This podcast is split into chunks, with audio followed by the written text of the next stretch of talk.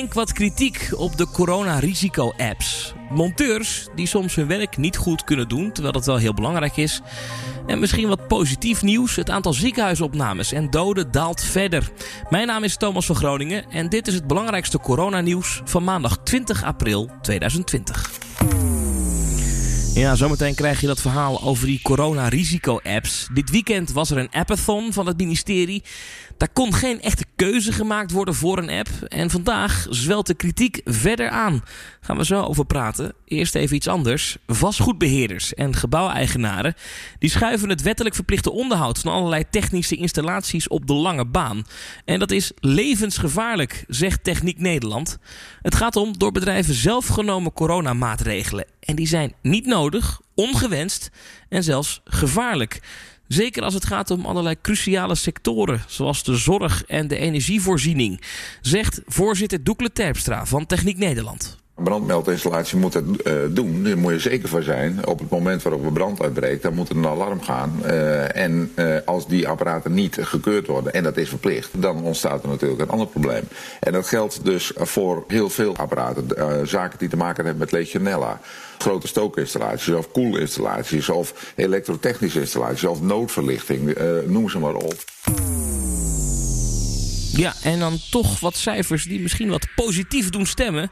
Het geregistreerde dodental van het coronavirus is opgelopen met 67. Dat zijn er natuurlijk nog steeds 67 te veel.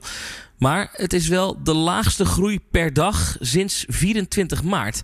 En ook het RIVM zegt op de website nu dat het positieve tekenen zijn. In totaal zijn nu 3751 mensen overleden in de statistieken van het RIVM. Dan gaat het dus om mensen die zijn getest op het virus en uiteindelijk zijn overleden. Het werkelijke aantal doden ligt vermoedelijk wel hoger, want er overlijden ook mensen die niet zijn getest op het virus. Nou, als we dan kijken naar de ziekenhuisopname, ook dat aantal loopt verder terug. In de afgelopen 24 uur zijn 75 mensen opgenomen in een ziekenhuis met corona. En dat is ook het laagste aantal in een maand tijd. In totaal zijn nu 9779 mensen in Nederland met het coronavirus opgenomen in het ziekenhuis of inmiddels weer ontslagen. En dan dus naar die corona-risico-apps. Wat blijkt nu? De veiligheidsdiensten. Die hebben het ministerie van Volksgezondheid vorige week gewaarschuwd dat het veel te hard van stapel loopt met die plannen voor een corona-risico-app. Zeggen bronnen tegen de NOS vandaag. Afgelopen donderdag hebben zij een brief van vijf pagina's bezorgd bij het ministerie van Volksgezondheid. En daarin stond allemaal beschreven waarop moest worden gelet met het oog op de nationale veiligheid. En het ging vooral om de haast van het ministerie. Dat zorgde voor ergernis bij de veiligheidsdiensten. Ja, minister De Jonge die zei bij die persconferentie dat hij binnen een paar weken met een werkende corona-risico-app wilde komen. Maar de veiligheidsdiensten die noemen dat verre van realistisch. Ook andere experts zeggen tegen de NOS dat dat helemaal niet kan. Dat snapt iedereen die iets met computerbeveiliging doet. Al dus een van de bronnen van de NOS. Ja, dat is dus kritiek van vandaag. Ondertussen ging dat proces tot het kiezen van zo'n app wel door. Aan de autoriteit persoonsgegevens was gevraagd om een oordeel te vellen over de zeven apps die zijn overgebleven in de selectie. Maar de autoriteit zegt nu: we kunnen niet oordelen over de plannen. Want de voorwaarden van de overheid zijn niet duidelijk genoeg. En daardoor zijn de voorstellen van de apps niet uitgewerkt om een oordeel te kunnen vormen. Zegt Aleid Wolse. Hij is voorzitter van de autoriteit persoonsgegevens.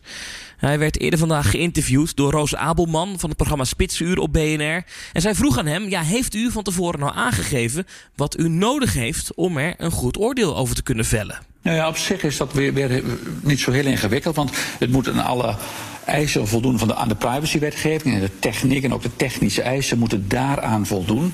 Dus het hele kader waar zo'n app aan moet voldoen, het moet natuurlijk effectief zijn, ook dat soort eisen allemaal, dat is op zich bij VWS wel bekend. Uh, maar wat een beetje onduidelijk was, waar, waar ze onduidelijk mee het proces ingegaan zijn, is dat ze vrij open hebben uitgevraagd van denk mee. Uh, ontwikkel een applicatie, ontwikkel een computerprogramma of, of andere middelen misschien. Zodat we weer een beetje ja, samen naar buiten kunnen en dat virus meer onder controle kunnen krijgen. Of dat bron- en contactonderzoek beter invulling kunnen geven.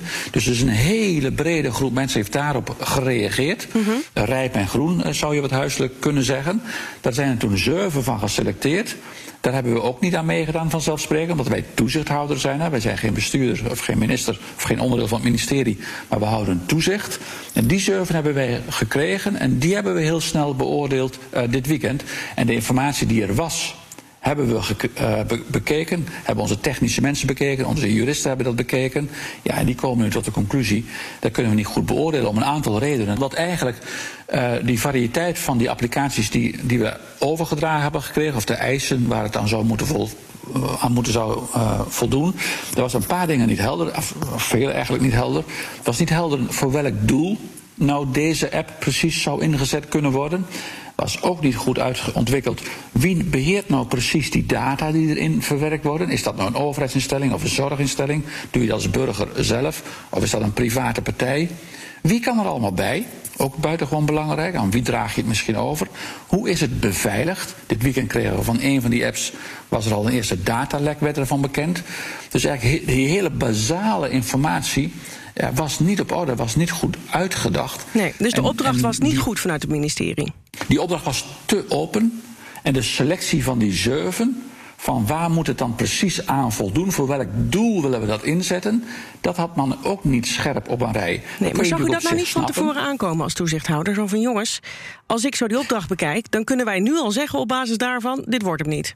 Nee, wat ze, er, had, er hadden goede dingen tussen kunnen zitten. En omdat het een hele open uitvraag was, er was heel veel maatschappelijke discussie al.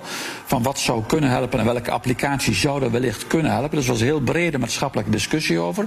Nou, VWS heeft toegezegd, geef ons alles wat kan helpen aan het meedenken. En we hadden natuurlijk gehoopt dat door die selectie van die hele grote honderden aantallen naar die zeven, dat dat heel goed ingekaderd zou zijn en, en zou gezegd zijn, nou, we gaan alleen maar die apps selecteren die echt alleen kunnen worden ingezet voor nou, bijvoorbeeld het doel bron- en contactonderzoek. Ja. Nou, en dat is niet, daar is niet scherp op geselecteerd. Ja, u zegt het is nog maar de vraag of die app er wel kan komen. Wat is er dan nodig om tot goedkeuring te komen? Om op al die vragen antwoord te hebben en, en dan zou het eventueel kunnen? Ja, die vragen moet je echt allemaal antwoord op hebben. En dan moet je eigenlijk nog een keer beginnen met alle kennis die er nu is, die men nu vergaat heeft de afgelopen dagen. Moet men echt heel secuur kijken, wat willen we nu precies? Ja. En als je helder en scherp hebt wat je wilt, kun je daar het programma van eisen op loslaten. Dan moet, gaat het over het doel, het beheer, wie kan erbij, hoe is het beveiligd, waar gebruik je het voor, technische eisen, noem maar op.